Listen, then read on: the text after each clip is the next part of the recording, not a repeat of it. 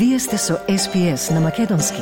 Слушнете повеќе прилози на sps.com.au козацрта Macedonian.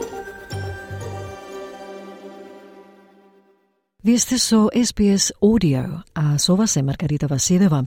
Австралиците наскоро би можеле да мораат да ги користат своите заштеди, да користат дел од нивната пензија или да бидат оданочени повеќе, за да може да се финансира подобар систем за нега на стари лица – Новиот извештај од заинтересираните странки во индустријата за нега на стари лица предлага повеќе кратни можни одржливи модели на финансирање што владата би можела да ги спроведе.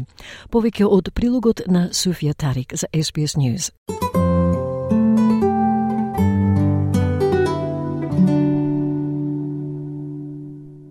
Новиот предлог од Организациите за нега на стари лица предлага федералната влада да ги натера богатите австралици да ги намалат своите заштеди за да финансираат нов одржлив модел за нега на стари лица. Извештајот напишан во консултација со 43 организации за нега на стари лица, вклучително и даватели на услуги, потрошувачи, експерти и синдикати. Исто така предлага користење на дел од задолжителниот пензиски фонд на луѓето или воведување на давачка во стилот на Medicare. Извештајот е предаден на Министерката за нега на стари лица Аника Уелс и на работната група која во моментов истражува одржливи модели на финансирање за секторот, поради што се поголем дел од австралиското население продолжува да старее. Tom Simonson е главен директор на Aged and Community Care Providers Association, кој го водеше извештајот и е дел од работната група. Тој вели дека сегашниот систем не функционира. Според Саймонсен, системот се бори да биде во чекор со побарувачката поради големиот број на причини, не само финансирањето на работната сила, што е значаен предизвик. So our system is really struggling to keep up with demand. There's a number of reasons for that, not just funding. Workforce is a significant challenge, but the funding model we have was designed in the late 1990s for the aged care system we thought we needed then. Uh, we are now 27 years on when this new Act comes in next year, 2024. And we need to make sure that the funding system is set up for the next 30 years so that we've got a flourishing aged care sector, not just one that kind of struggles to be sustainable.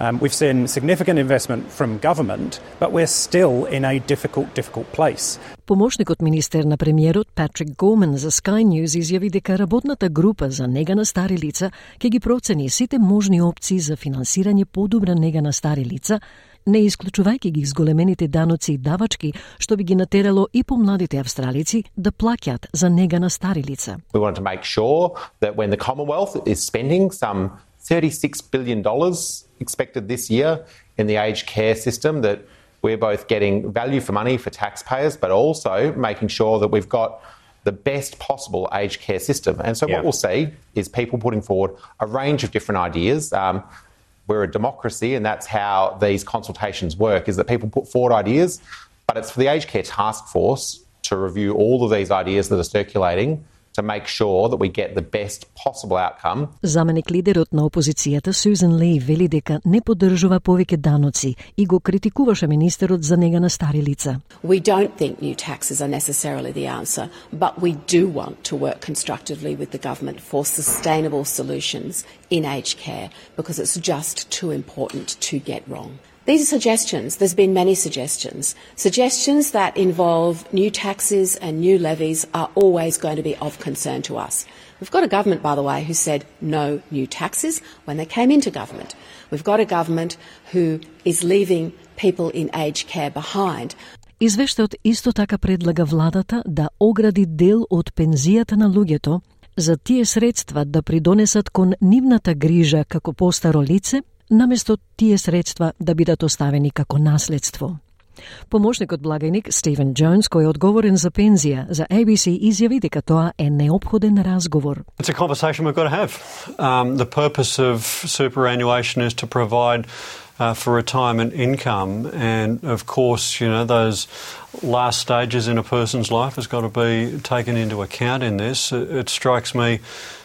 um, as odd in a system which is about retirement income that a third of the cheques that have been written by superannuation uh, funds by value. So a third of the value of checks that superannuation funds are writing at the moment are bequests.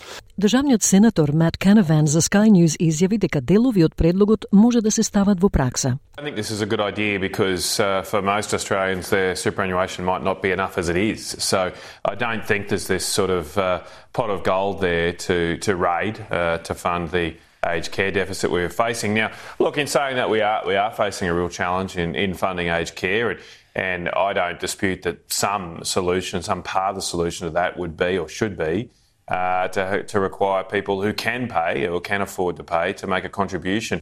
Но портпаролката за грижа за стари лица на партијата на зелените Джанет Райс вери дека луѓето не би требало да се потпрат на собствениот джеб за да финансираат подобар владен систем. We can afford to be spending the money that's needed so that people living in aged care can be living a dignified life with the support they need, with staff that aren't overworked. If we were spending the money that is needed, we could be doing that. Why are we talking about increasing a user user pays people having to pay more for their aged care when there is money that we could be spending if we didn't if we did away with the stage 3 tax cuts? Работната група за нега на стари лица треба да ги објави своите конечни препораки на крајот на годината. И во 2024 година се очекува нов закон за нега на стари лица.